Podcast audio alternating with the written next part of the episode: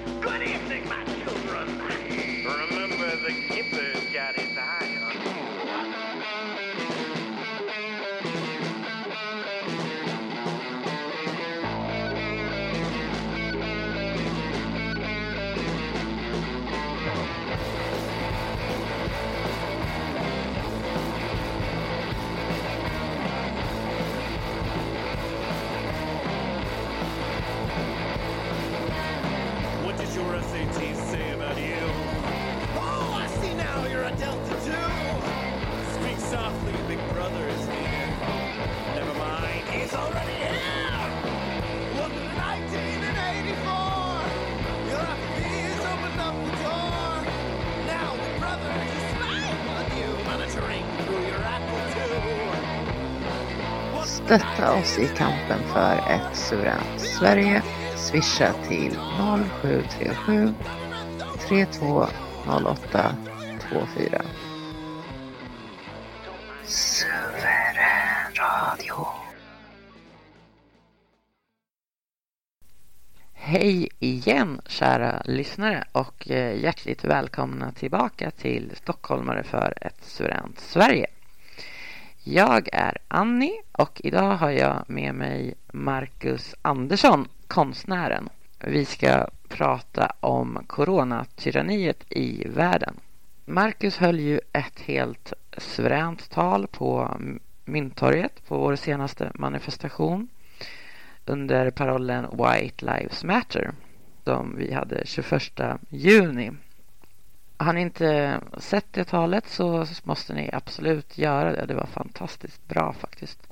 I anslutning till den manifestationen spelade vi in en podd ihop med de andra talarna Håkan Bergmark och David Bergqvist med lite fokus på just corona och eh, Marcus tal då, då lite grann som gick ut på att belysa konsekvenserna av restriktionerna globalt sett. Och eh, eh, ja, restriktionerna kvarstår ju så att eh, Marcus och jag kom fram till att det var dags att, att ta upp saken igen faktiskt i poddform då, då. Men idag blir det bara Marcus och jag.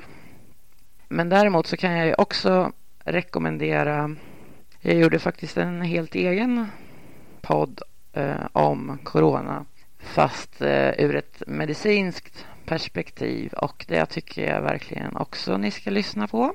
Jag döpte det avsnittet till Annie Flying Solo och ni hittar det på våra kanaler. Jag gjorde också en intervju med Fritiof Persson som ju är duktig på um, ekonomi. Eh, han kallar sig ju för Sveriges ledande nationalkapitalist. Han ställde upp på en intervju och eh, eh, berättade lite om um, de ekonomiska konsekvenserna av coronarestriktionerna ur ett globalt perspektiv. Och eh, det var en blev en väldigt intressant intervju så den tycker jag också att ni bör lyssna på. Men tillbaka till nuet och eh, just nu så är det Marcus och jag som kommer att diskutera coronarestriktioner globalt sett framförallt då. För i Sverige är vi ju ganska vi, vi har kommit ganska lindrigt undan eh, faktiskt relativt sett. Vi kommer att prata om ifall de här restriktionerna överhuvudtaget är nödvändiga. Vill de oss väl eller handlar det om någonting annat? Och eh, ja, vi går igenom lite mer av vad restriktionerna får för konsekvenser och eh, kanske framför allt det viktigaste ni, ni ska ta med er efter att ha lyssnat på vårt samtal är väl hur vi tycker att man bör bemöta de här restriktionerna. Jag tänker inte avslöja så mycket mer. Marcus är ju en eh, konstnär som jag nämnde tror jag eh, och ni vet säkert vem han är. Man kan faktiskt benämna honom som en frihetlig konstnär. Faktum är att eh, samtalet med Marcus blev så pass intressant och, och eh, tack vare det då blev det lite väl långt för en, en, för en enda podd tyckte jag så att materialet räckte till två poddar. Så detta är del ett då, då och fortsättning följer snarast möjligast när jag hinner. Yes. Men eh, Marcus kommer att få presentera sig själv lite grann nu också, så häng med. Hej Marcus! Hej hej! Hej, vad roligt att eh, du ville prata med mig. Tack så mycket. Tack för att komma hit. Och, så kan ju du gärna få presentera dig själv lite snabbt så bara. Ja då, det ska jag göra. Marcus Andersson heter jag, jag är konstnär.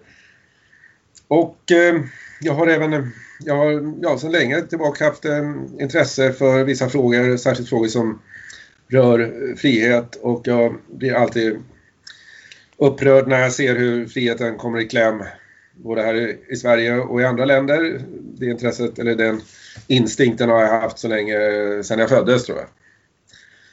Och den har mm. inte, det är ingen skillnad idag, blivit ännu starkare. Ja. Du är frihetligt, frihetligt lagd alltså? Absolut. Det tycker, jag, det tycker jag låter bra, för det är vad vi behöver. Vi är så underkuvade i EU och alla möjliga konstiga Absolut. överstatliga organ. Så att mera frihetlighet åt folket, säger jag. Verkligen, verkligen. Men som sagt, idag tänkte jag fråga dig lite om vad du tycker om Sveriges coronastrategi jämfört med ja, många andra länder har ju valt en helt annan väg. Ja. Ja. Eh. Det, alltså regeringen får ju en hel del själv för den här strategin, både från svenskar och från andra länder som tycker att vår strategi är märklig och knasig. Eh, men vad tycker du, är den svenska strategin märklig och knasig?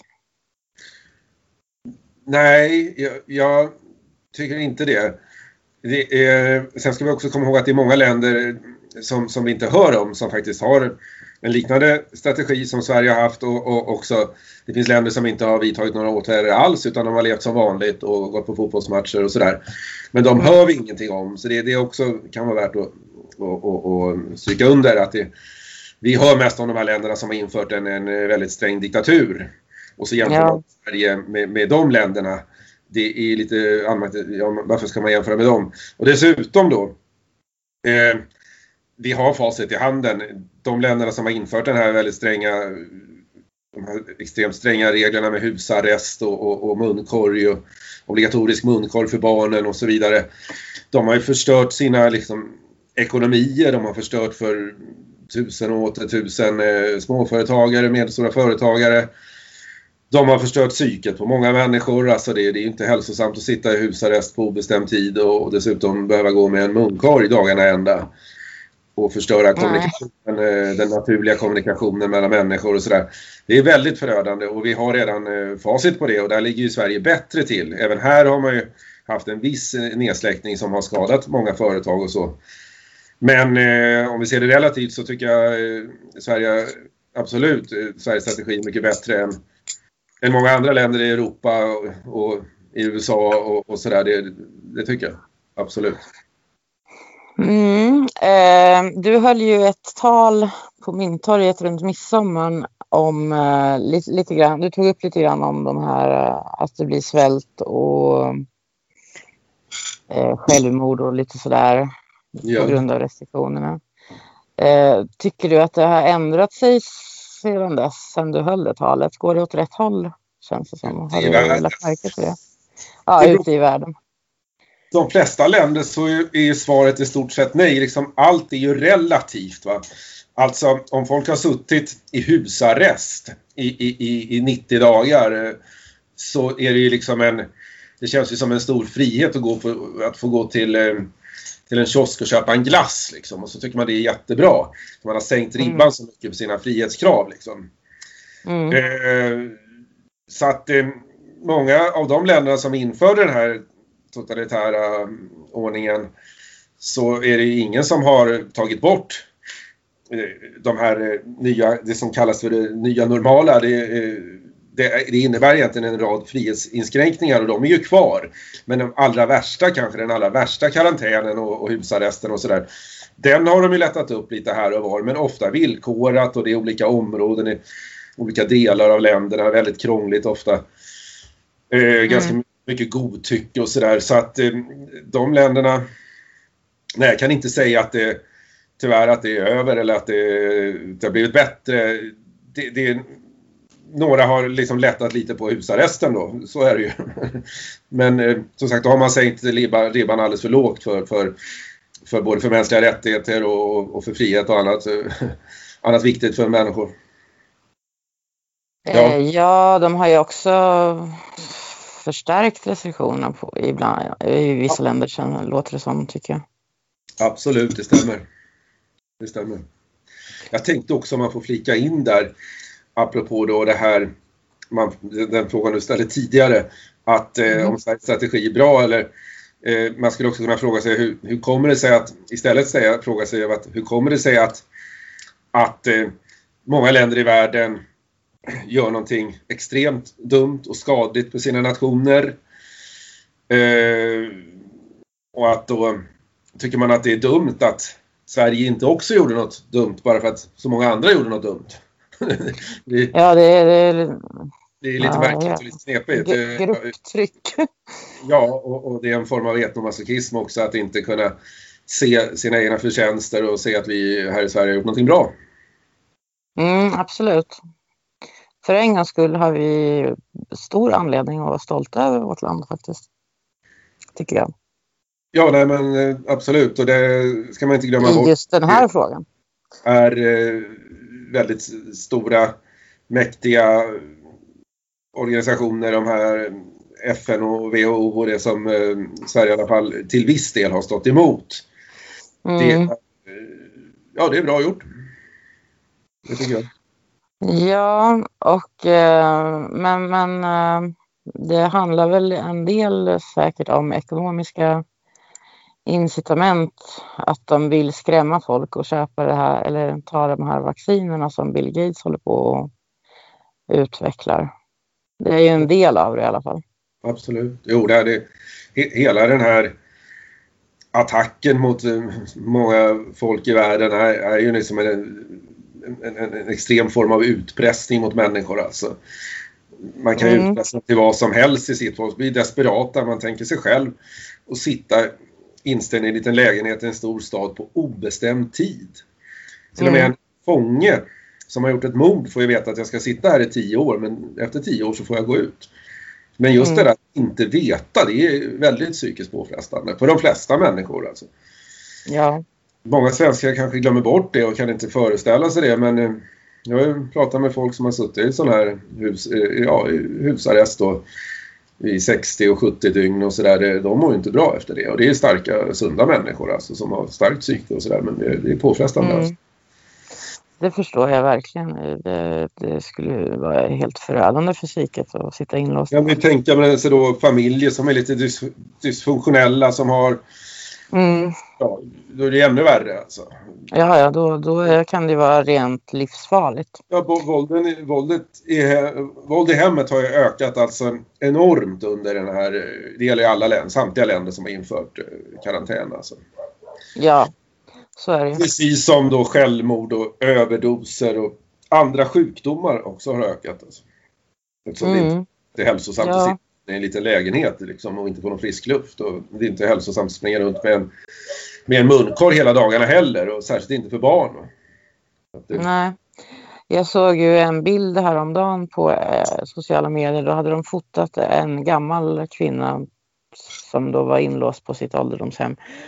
En gång i, i december eh, 2019 då såg hon helt pigg och frisk ut och hon var kanske 75-80 någonting sånt där.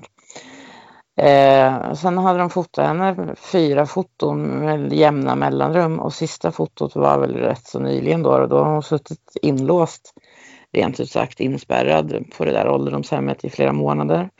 Och hon har liksom munskyddet hänger lite på sniskan och, och hon har fått eksem överallt på grund av det där munskyddet.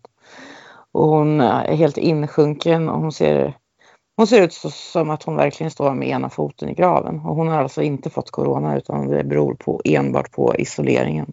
ja, det gäller ju miljoner människor det där alltså. Mm. Alltså, ja, ja, absolut. Alltså.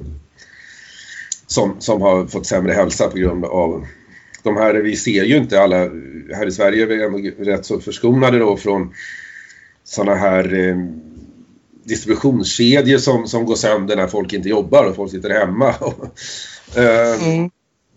och ja, det är brist på mat, det är brist på reservdelar till jordbruket och det gör att det blir ännu mindre mat.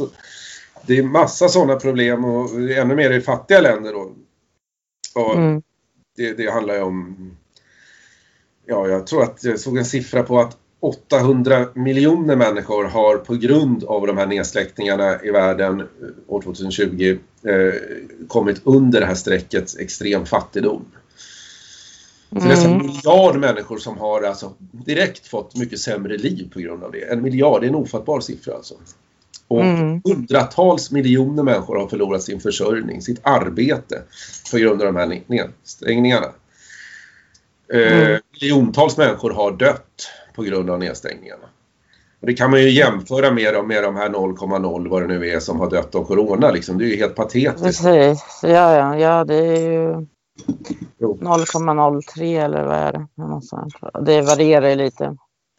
Ja, nej, men det, Men det är, är ju runt det. Det är ju som en, en vanlig eh, influensa. I, ja, dödssiffrorna, I dödssiffrorna är det ju det. Att Eh, att man har lyckats få människor att tro att liksom, staterna och de här globala globalistorganen, WHO, har rätt att sätta folk i husarrest. Alltså, bara den grejen att de någonsin har den rätten. Det är, det är ganska märkligt. Alltså, det, det, det, skulle, det kan bara ha skett via en extrem manipulation. Alltså. Och då har vi den här TVn och radion och, det, och, och, och tidningar som 0 till 24 under flera månaders tid inte pratade om något annat utan bara skickade ut den här skräckporren. Alltså. mm, Det är, ja, det är ett brott av precis. gigantiska mått. Alltså. Ja. Mm.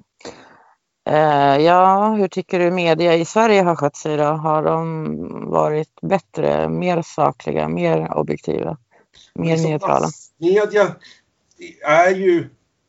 Visst, det finns lokala tidningar som har lite, lite självständighet men massmedia får man ändå betrakta som någonting globalt. Alltså jag läser en hel... läser ibland lite spanska tidningar och, och det står ju precis samma sak alltså som med de svenska. Mm. Det är ju Mm. globalt, vi får, vi får nästan prata om det globala propagandaministeriet och där i ingår de här till exempel Bonnier-tidningarna. De stora tidningarna i, i andra länder också. De har ju varit väldigt lika. Alltså det, I stort sett är det samma coronaporr som har gått ut Ja, ja, i som i Argentina, som i Storbritannien.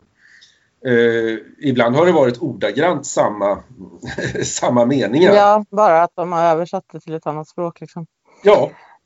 Så att eh, det kan man... Nej, jag kan inte säga att svensk massmedia de har nog varit... eh, Det är de som har drivit på den här hetsen hårdast. De har ju drivit på den... eh, Det är de som har stått för hetsen och, och, och, och satt skräck i människor. Det är massmedias fel. Ja, ja. Eh, Det är ju Annars inte hade man inte märkt någonting. hälsomyndigheterna och, och politikerna till viss del, men den stora boven i, det dramat är absolut massmedia. Skulle jag säga. Mm. Man undrar ju lite grann varför. Är det bara för att sälja tidningar eller vad? Vad har de att vinna på det? För att massmedia ingår i, den här, i det här globala propagandaministeriet, om, om vi tillåts använda det begreppet då. Mm. De är inte bundna till, de tjänar liksom inte svenskarnas intressen eller eh, kanske så många andra folks intressen heller. De tjänar sin egen agenda, de tjänar eh, ja, de här mångmiljardärerna som ingår i den här globala maffian och, och så vidare. De är ju knutna till de så kallade eh, globalisterna. Alltså. Mm. Men, men vad är agendan här då, tror du? För att det är liksom, vad, vem tjänar på att folk ska svälta ihjäl och begå självmord på global skala? Miljontals de här- de här globalisterna då, flera, bland annat Bill Gates och, och, och andra har ju länge pratat om att de vill eh, reducera befolkningen. Det har ju även Mm. ingått i den här klimatagendan att det tjatats om att vi är för många och vi måste och, och varje människa är ju som belastning och så vidare. Det, det har liksom länge på något sätt eh, varit en indoktrinering för, för, för den sortens eh, politik då. Ehm, agendan i detalj, alltså i, i stora, jag vet inte, man får inte dela upp det lite där. Det vi har att göra med är en, extre, eh, eh, en extremt maktgirig, vad ska man säga, global elit som eh, vill underkastas, eller vill, vill, vill, vill, vill erövra makt och vill erövra också den sista bastionen vi har, det vill säga den egna kroppen, vår egna kropp och dess fysiska frihet. Mm. De det har vill ha kontroll funnits- över oss. Det har väl alltid funnits eh, tyranner i världen och vi har nu, vi har nu eh, tyranner vid makten i världen. Vi har en, en så tyrannisk makt eh, som tyvärr har så mycket makt så att den har, kan kontrollera stor del av världens regeringar och få de regeringarna att göra något extremt destruktivt mot sina egna länder, det vill säga stänga ner hela deras, eh, ja alla deras kugghjul, alltså affärsverksamhet och industri och annat. Ja, bara på order. Det, det, det, Ja, De, alla, de, har ju, de är ju antingen är de ju mutade eller också är de hotade för att de gynnar ju inte sitt eget folk. Utan, och det måste de ju fatta. De kan ju inte vara så korkade. och de gynnar knappast sig själva heller alltså. Nej, det Några kan de inte heller göra. men, men ja. Så att eh, agendan är totalitär makt. Det är väl i alla fall eh, som rubrik då. Sen har de massa, massa detaljer. Underrubriker. Vaccination och vaccinationskort och allt vad det är. Men allting går ut på makt för maktens egen skull. Ja, Mm. Så här gudskomplex då. då. på bekostnad av vår makt och på bekostnad av vår frihet. Mm, mm. Eh, ja, det är ju bortom alla rimliga proportioner det här. Det är ju... Jag tror man måste liksom börja se på sådana här totalitära ideologier som till exempel kommunismen när den, eh, när den drevs igenom. Det var ju egentligen ingen folklig liksom, revolution. Det var ju mer en statskuppaktig eh, från ovan revolution då. Och det här är ju någonting liknande. En del pratar om att det här är en stor övning. Det kanske det kallas så men, men det som pågår är ju en typ av, eh, av, av väldigt obehaglig revolution där man då rensar bort eh, småföretag och hela småföretagskulturen. Man rensar bort mellanstora Mm. företag.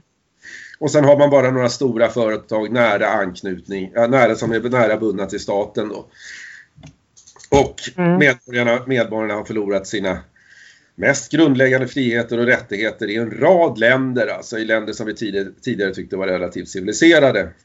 Mm. Det är ju inget annat än en, eh, än en, eh, ja, en totalitär eh, En global statskupp.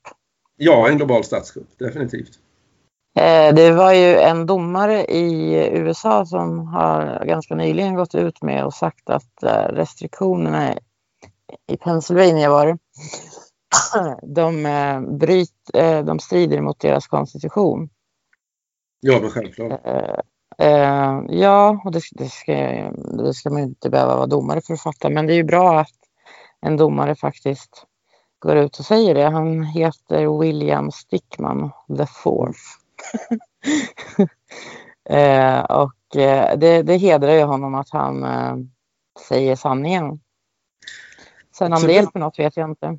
Men där kan vi flika in då att eh, till exempel i Danmark och, och um, Tyskland när det började det här med lockdown och allt det där i våras så um, då hade de kommit fram till något liknande som de svenska hälsomyndigheterna då att eh,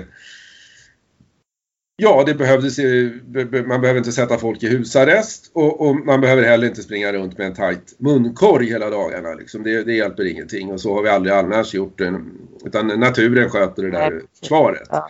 Det Mm. blir bara värre om vi håller på så här. Liksom. Det, det här är Mm. inte, det är inte konstruktivt för att eh, det det säger, ja, att skydda människor från, från ett virus.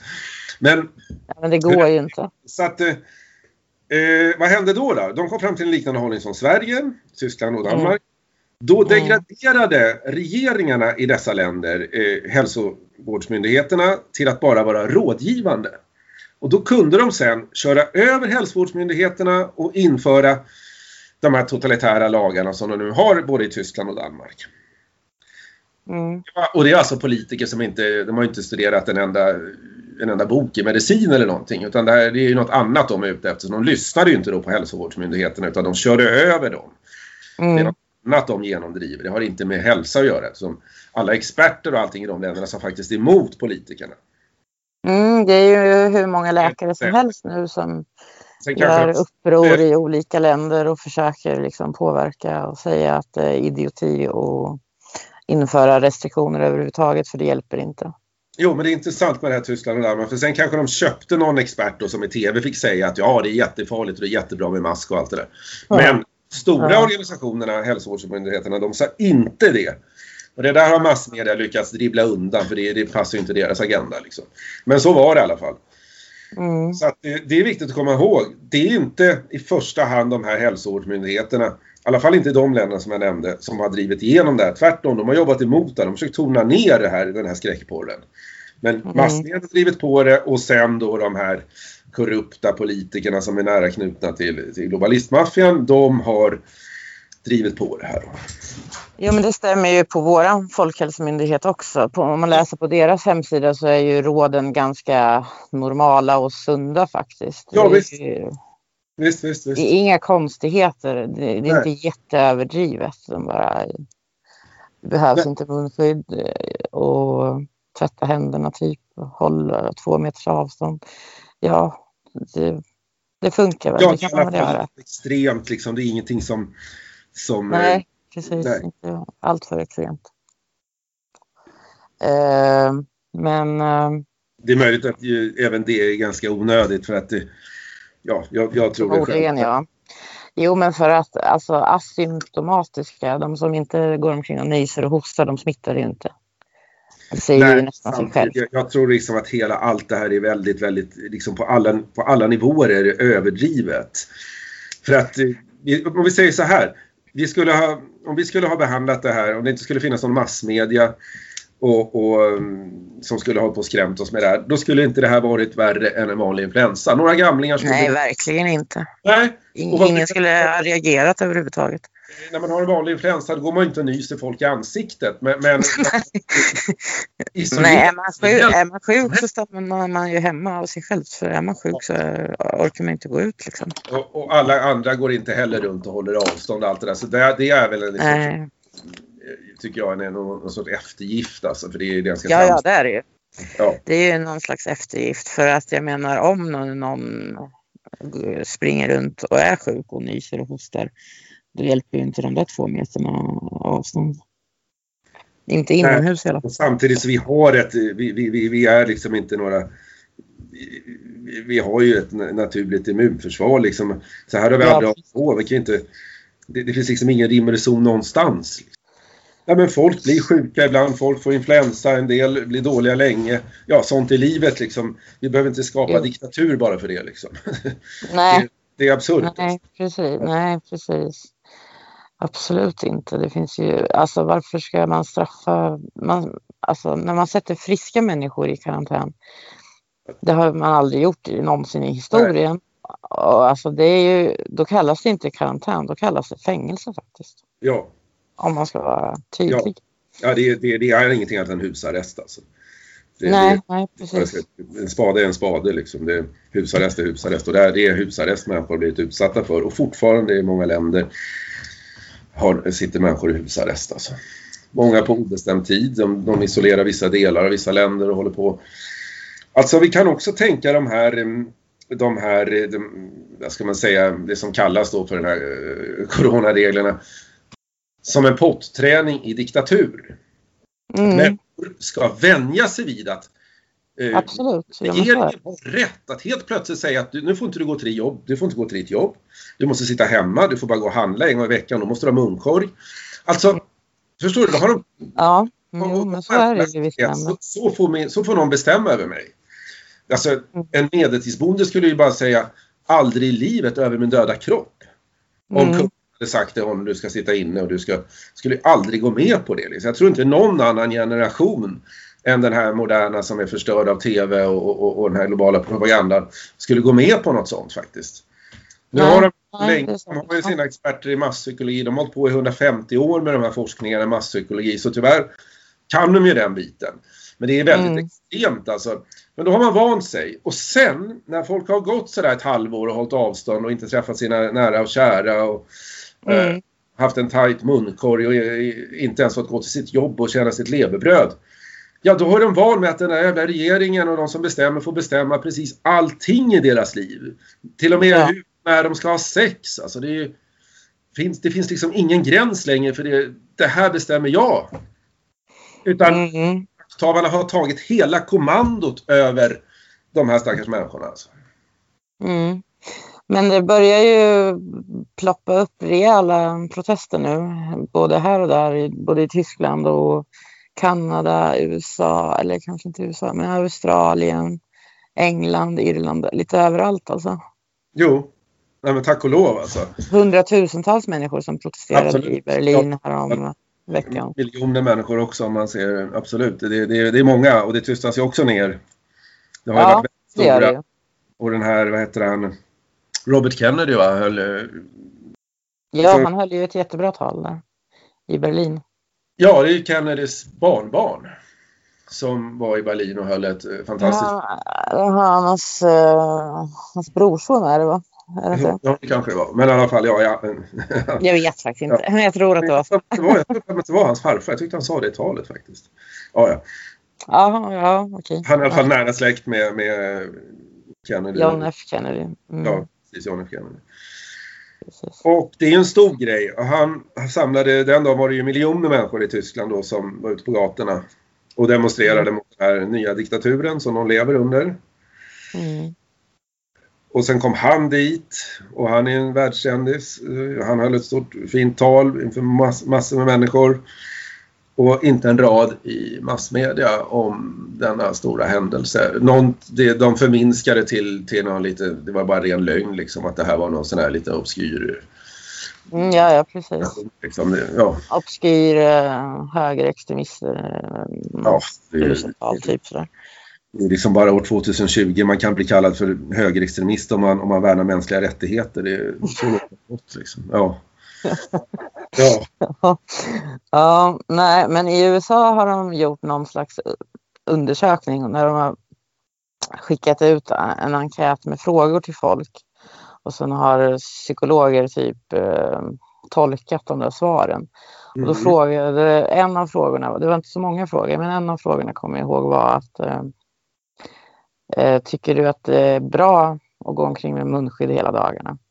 Och så fick de ju tre alternativ. Ja, det var jättebra, mindre bra, pissdåligt, ungefär så, den skalan. Liksom. Och alla som då inte svarade att det var jättebra har de kommit fram till de här psykologerna som har försökt att tolka det där. Jag tror att de var psykologer i alla fall. Jag vet inte, de kan ha varit statsvetare eller vad fan som helst. Jag vet faktiskt inte.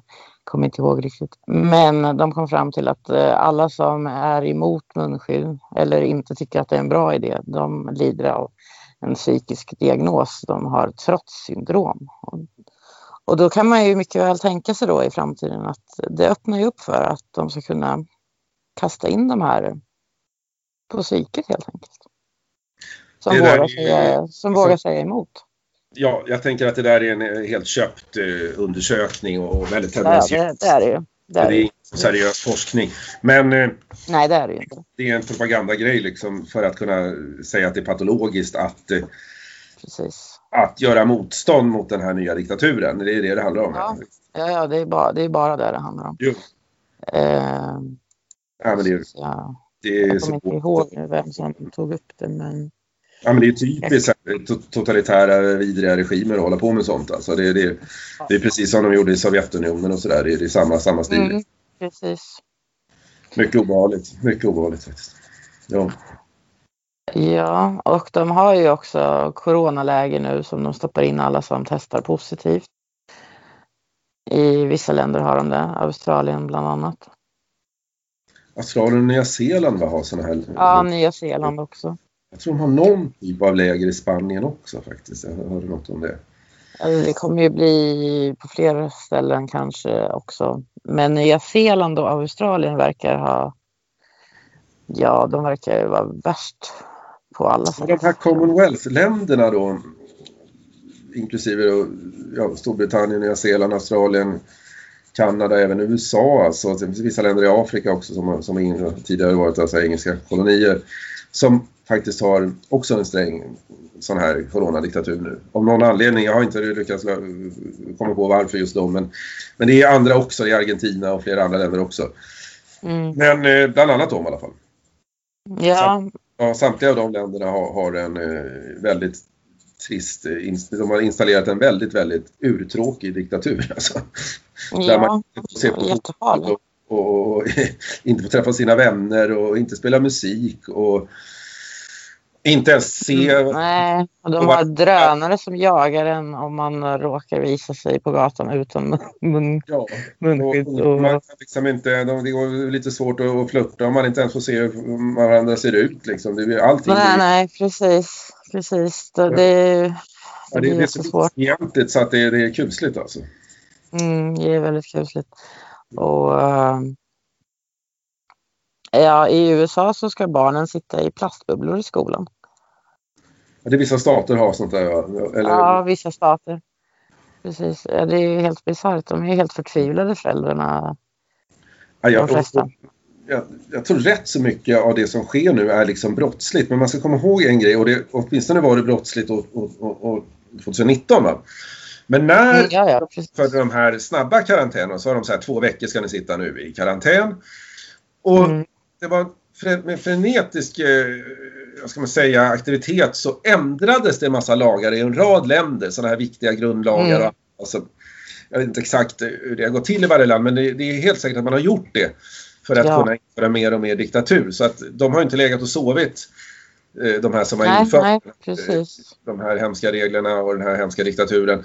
Utan de har varit väldigt aktiva under tiden för att liksom kunna säkra och ta nästa steg och sådär. Så lagar har ändrats och ja, man har... Det, det, det är lite förenklat när man säger, att man säger i Sverige, ja vi har inga, vi har en lag som hindrar från, från Ja, ja. Ja, det- går ju att ändra på. stänga in oss i husarrest. Ja, det är många länder som hade den lagen, men eh, man har kört över den, man har kört över de lagarna och man har eh, satt de lagarna på undantag och, och, och, och man har hållit på och Mm. trixat och fixat. Och även gjort... eh, Marshall, Marshall Law som det heter i USA. Då. mycket av det man gör är rent olagligt fortfarande. Alltså. Ja, och eh, presidenten i Vitryssland han är, talade ju om att han hade blivit erbjuden mutor ifrån den här eh, Världsbanken eller vad var det? Absolut, absolut. Fast han sa nej. Men eh, alltså, han skulle få en massa mi- miljarder för att, släcka ner samhället men han Ja. vägrade. Ja, så var det. Och nu, är han, eh, nu har han ju fått en sån här färgrevolution på halsen på grund av det då, Mm, ja. antar jag. Mm, eh, ja. Men eh, det, det tyder ju på att Australien och de här andra länderna att de tog emot de mutorna. Ja, det, finns, det finns ju inget, ingen annan anledning varför de skulle bete sig som de gör. Det finns också ett annat exempel, jag vet inte om vi skulle komma in på det, om hur det ser ut i olika länder då. Men i Argentina har de haft en, och har, och har haft en extrem eh, regim under den här tiden. Alltså med vidriga övergrepp på, på människor alltså. Och, och polisvåld mot, eh, alltså mot människor som har satt munskyddet lite snett eller någonting. Alltså riktigt kusliga och obehagliga händelser som utspelar sig där. Men där var det då i maj redan så skulle då, eller redan, men då hade de suttit 50 dygn i husarrest och då, då tänkte presidenten att han skulle lätta upp lite på de här, på den här husarresten. Och då finns, fick han ett samtal från Soros. Soros har köpt massa jordbruksmark och annat och naturresurser och lagt beslag på mycket av Argentinas stora naturresurser. Men då fick han ett samtal av Soros där eh, Soros villkorade de här, ja han har väl massa ekonomiska hållhakar på, på presidenten där och presidenten är väl en riktig skurk. Eh, hur som helst då så förlängdes karantänen efter det där samtalet och det, det, det gjordes inga lättnader som han hade lovat då efter samtalet med Soros. Mm. Bara ett exempel. Ja. Ja, men eh, det har säkert varit mycket påtryckningar. Och alltså jag tror inte att Sverige kan hålla eh, kan eh, fortsätta stå emot hur länge som helst om hela övriga världen går med på att släcka ner sina länder. Liksom. Vi kommer att bli, få sanktioner mot oss. Det kommer att bli jättejobbigt till slut. Om det fortsätter, om det inte tar slut. Liksom. Ja, jag skulle ändå säga att eh, hellre sanktioner och, och vad som helst. En, en sån där... Ja, absolut, men ja. frågan är om de inte då tar den lätta vägen och går med på det istället. Det är möjligt. Vad jag tänkte... Jag hoppas inte det, men, men jag, jag är orolig. Alltså. Man kan vara orolig, absolut, men... Det är starka krafter vi har emot befolkningarna.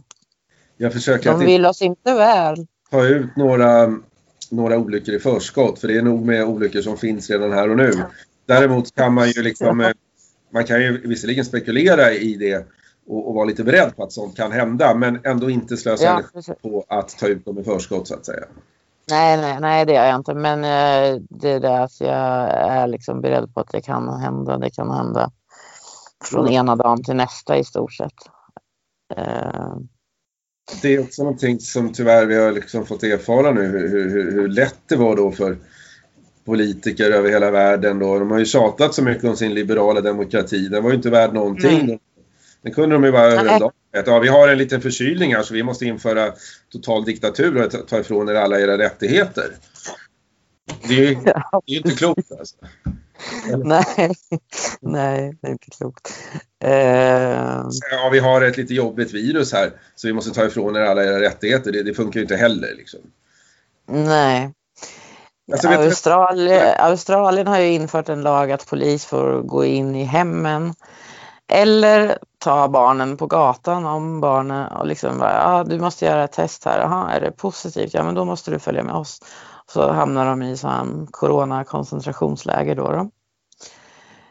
Eh, och de där testerna funkar ju inte ens. Alltså det är ju jättemånga tester som ger falska positiva resultat. Det, säger ju, det säger ju alla. Det säger ju läkarna. Alla de kom fram till Ja, igår tror jag att jag läste att på en flygplats så sa de att 7% av testerna var rätt, resten var fel. Eller något sånt helt absurt. Man bara va? Men också det som, vad spelar det för roll om folk är positiva? Det är ju ändå inte så många, det är ju bara någon liten promille och knappt det som dör. Det är någon 0,0 någonting som, som dör av det där. Ja, ja, ja precis. Det, det, det, spelar ju ingen roll egentligen. Nej, så det är helt och meningslöst. Barn får ju dessutom inga symptom. Alltså, även om man skulle vara positiv, om man har man inga symptom, ja, men då så. Vad är problemet då? då liksom? Hela den där upplägget är lurendrejeri. För att normalt vid en influensa, då, det kanske är miljoner som, som liksom har viruset och skulle visa positivt. Det är normal influensa varje år. Alltså ja. i Sverige alltså. Det är normalt. Det var ju det han Tegnell pratade om med den här gruppimmuniteten. Och allt det, där. det är massor av människor, det är flera miljoner människor som får det.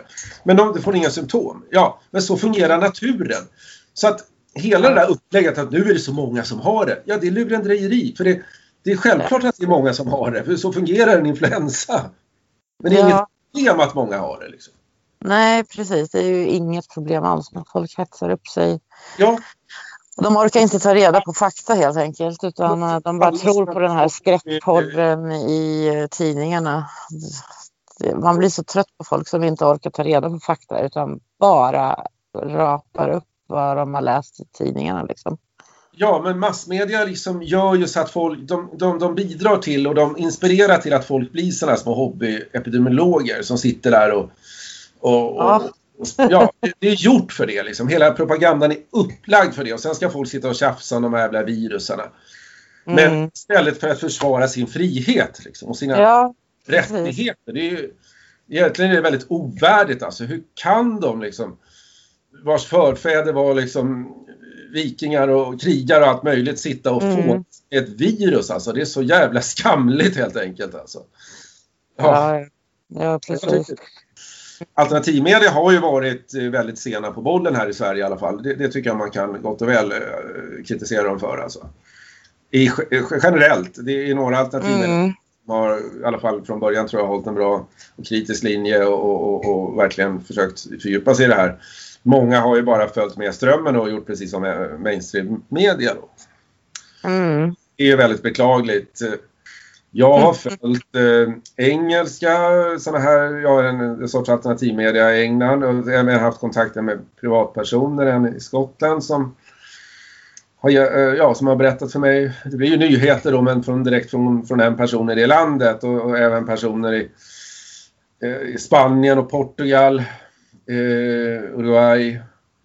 Och då har jag ibland daglig kontakt med en del av de här personerna och då byter vi i alla fall. Det, det kan ju vara privatpersoner som skriver, det kan vara en intervju med någon som har eh, råkat illa ut och man får en annan liksom mer direkt nyhetsförmedling på det sättet. Så att jag, jag har Mm. liksom uppgraderat den enskilda individen som reporter som ibland är mycket snabbare och effektivare reporter.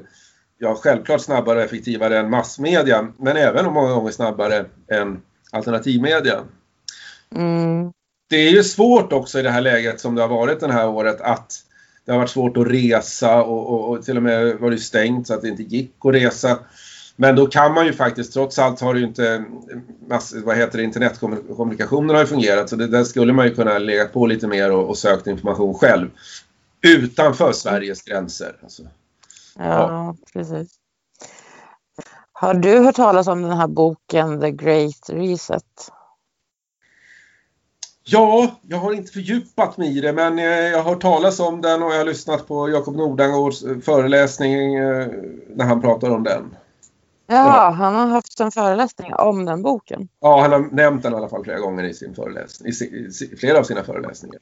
Ah, Okej, det har jag missat. Eh, Det måste jag kolla upp lite senare då. då det när finns får på. Sveb-TV och det, hos den här dansken, jag kommer inte ihåg vad han heter. Age of Ole Truth. Dammegård. Nej, nej, nej, utan det är en, eh, en musiker som har någon kanal som heter Age of Truth. Aha. Ja, ja, Han- visste jag nog inte. Ja, Men eh, författaren heter i alla fall Klaus Schwab, eller hur man nu ska uttala det. Ja. Och han är grundare och ordförande för World Economic Forum. ja. Så han han är väl tysk då, tror jag. Mm. Och boken kom ut i somras någon gång. Men kan du dra bara jättekort vad den går ut på den där? Inte riktigt faktiskt eftersom jag inte har läst den. Men eh, av det jag har hört om den då så är det en, sorts, en plan för, eh, för att förändra världen. Jag, jag skulle säga det är en plan för, för en, en revolution alltså. Det som vi pratade om, att det pågår en revolution just nu. Mm. Eh, han har ju själv uttryckt det som att eh, eh, det här året då ska det komma, och det, vilket har gjort en, en, en tsunami av förändringar. Och när det kommer en Det, tsunami, då- låter, det låter oroväckande. Hör du. ja men det är det vi har varit med om i världen. Va? Det är Ja. Har ju förändrats till det sämre alltså i, i enorm skala över världen. Alltså. Människor har förlorat sina mest grundläggande friheter värre än i ett krig. Alltså. Alltså, Mm. ja. Och det är ju en tsunami av, av, av väldigt obehagliga förändringar och vad händer vid en tsunami? Jo, folk får panik och kan inte liksom tänka rationellt för de är rädda och de, ja, så, sådär. Ja, det är väl det vi ser nu, apropå att det är så svårt Ja. att se något bra motstånd, men det börjar ju komma i flera länder och vi, vi försöker i alla fall. Mm, ja, vi försöker i alla fall. Den är väl, en plan, eh, är väl de här globalisternas plan för att eh, skapa en helt ny världsordning där, där, där den enskilda individen har betydligt mindre plats. Eh, där de enskilda människornas frihet är extremt begränsad. Där eh, människorna... Det låter lite kommunistiskt då, eller? Ja, jag tycker det. Jag skulle- kunna kalla det för en, en, en, en teknokratisk eh, kommunism. Alltså. Mm.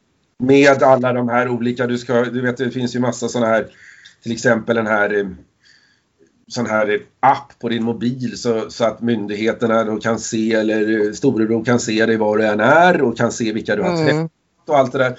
Alltså det är ju en, det är ju en kontroll som är värre än i Kina så de försöker genomföra i många länder nu. Mm. I Storbritannien bland annat. Ja. Eh, Så att Ja, större, och de här mun, munskydden som folk, till och med SD gick ut och sa att de tyckte att vi ska införa obligatoriska munskydd, men då har de ju inte läst på. Därför att munskydden är inte till hjälp för friska människor överhuvudtaget. De gör ingen nytta, de gör bara skada. Man, eh, alltså jag har läst om flera fall där folk har dött eller fått lungproblem på grund av att de har haft de här munskydden på sig. Ute i, ute i solen, i varma länder kanske, du vet. Eh, eller om de är lite halvkrassliga från början så, jag menar alltså. Det säger sig självt att man inte kan andas frisk luft. Det var ju de också, någon brandman som tog hem en massa munskydd och mätte syrehalten i luften han andades ut eller vad det nu var. Och han kom ju fram till att det var stor skillnad jämfört med, ingen mask fick godkänt. Inte ens den, den dyraste, flashigaste överhuvudtaget. De var Mm. alla lika dåliga till och med, mer eller mindre. Allt ifrån en uh, sjal eller något tygtrasa, papper eller så en, en eh, 95 eller vad de heter Mm. som har något slags andningshål. Men det hjälper ju inte liksom. De Mm. är farliga helt enkelt. Folk Ja, dör av dem. Det är också en sån här konstig grej att vad, vad tog vanligt bondförnuft vägen? Har de liksom haft någonting i Ja, vattnet? det, det Ja. har tagit slut. Ja.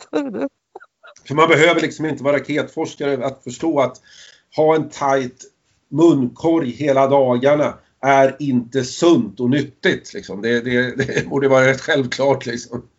Ja, precis. Det borde ju vara. Alltså, Jag brukar ha sån där på mig ibland när jag jobbar med slöjdgrejer och håller på och slipar i såna här horn och ben. Mm. Sådana detaljer. Får en sån här damm som inte är så bra andas in. Och Mm. glasögonen immar igen och, och, och blir, luften blir så här tjock och det efter en halvtimme så är jag liksom svettig och skönt att ta av den där. Alltså. Men Ja, ja, de här varma länderna nu under sommaren och så har den där när det är gassande sol. Många får ju hudproblem och eksem och sånt, och inte minst barn. Mm. Mm. Nej, det, det där är alltså en väldigt obehaglig... Det är en obehaglig underkastelsesymbol alltså. Man, Ja, ja, ja det, är, det är bara det det handlar om. Det är underkastelse. Det ska synas liksom. Att vi har synas underkastelse. att man lyder. Man ska, se vilka, man ska se vilka som är slavar och vilka som lyder och vilka som försöker trotsa. De ska de sätta dit en vacker dag. Liksom. Det, är där jag, det är där jag tror. Men dessutom, alltså... Du, du har den här eh, extrema lydnaden, men du tar också bort den vanliga kommunikationen av människor. Mycket av den vanliga kommunikationen av Absolut. människor eh, sker omedvetet och våra ansikten är Mm. väldigt viktiga för kommunikationen och särskilt för barn. Mm, mm. Eh, man, man, den, blir, den blir störd alltså. Jag, jag tror att man ganska snabbt får liksom psykiska rubbningar av det. Alltså det, det vi, vi är liksom... Ja, våra hjärnor fungerar. Ja, Det är det, det är ju 97 procent eller något sånt som är eh, kroppsspråk och ansiktsuttryck, alltså som är ordlös kommunikation. Jag kommer inte ihåg exakt, men det är ju 97 procent eller om det är ännu mera. Ja, och, och det, det är en väldigt viktig del av vår kommunikation då som blir väldigt svårt störd alltså. Och det där är något mer omedvetet så det man kan tro vad man vill om det, det bara är så liksom. Det är någonting vi inte ens är medvetna om utan det, det fungerar, vi fungerar så som, som, som, som varelser. Mm. Så att jo, den kör. Eh, sen har det det att vi tänker var, varför, varför måste kvinnor i, i sådana här eh, totalitära och muslimska länder eller, mm. de måste ha sådana här i vissa slöja. sekter. Mm. Ja, både slöja men en del har ju också att man bara ser ögonen. Kommer inte ihåg ja, ja. Burka. Eller något liknande. Ja, Niqab, eller... Då, ja, där man bara ser ögonen och, och man ser mm. inte på den här kvinnan då. Då, då kanske det de kanske själva då kan säga att det är för att hon ska, ingen annan man ska tycka, bli attraherad av henne och sno henne. Då. Mm. Men eh, det är också att beröva den kvinnan eh, en, en, identitet utåt. Ja, ja, absolut. Ja, eh, eh, man, man tar bort identiteten från, från människan. Och det gör man nu också. Det är liksom mer identitetslösa. Bara går det, alla går med en mask. Vi ser inte varandra. Mm. Hela ens utseende är liksom borta. Man ser bara de där två ögonen. Liksom. Det är ja. extremt frihetsinskränkning. Det, det, det är fruktansvärt alltså. Ja, det är, det är rent satanistiskt skulle jag vilja påstå. Ja, för det, är en form av tortyr alltså. Också, ja. Ja, definitivt alltså. Alltså allt det här vi har pratat om, sitta på husarrest på obestämd tid, det är psykisk tortyr. Alltså. Det, är, det är enligt skolbok ja. hur man ska uh, psykiskt tortera människor. Alltså. Mm. Eh, springa runt med munkorg, frånta dig din identitet då. Det är också psykisk tortyr, någonting som man utsätter liksom krigsfångar och sånt med. Alltså.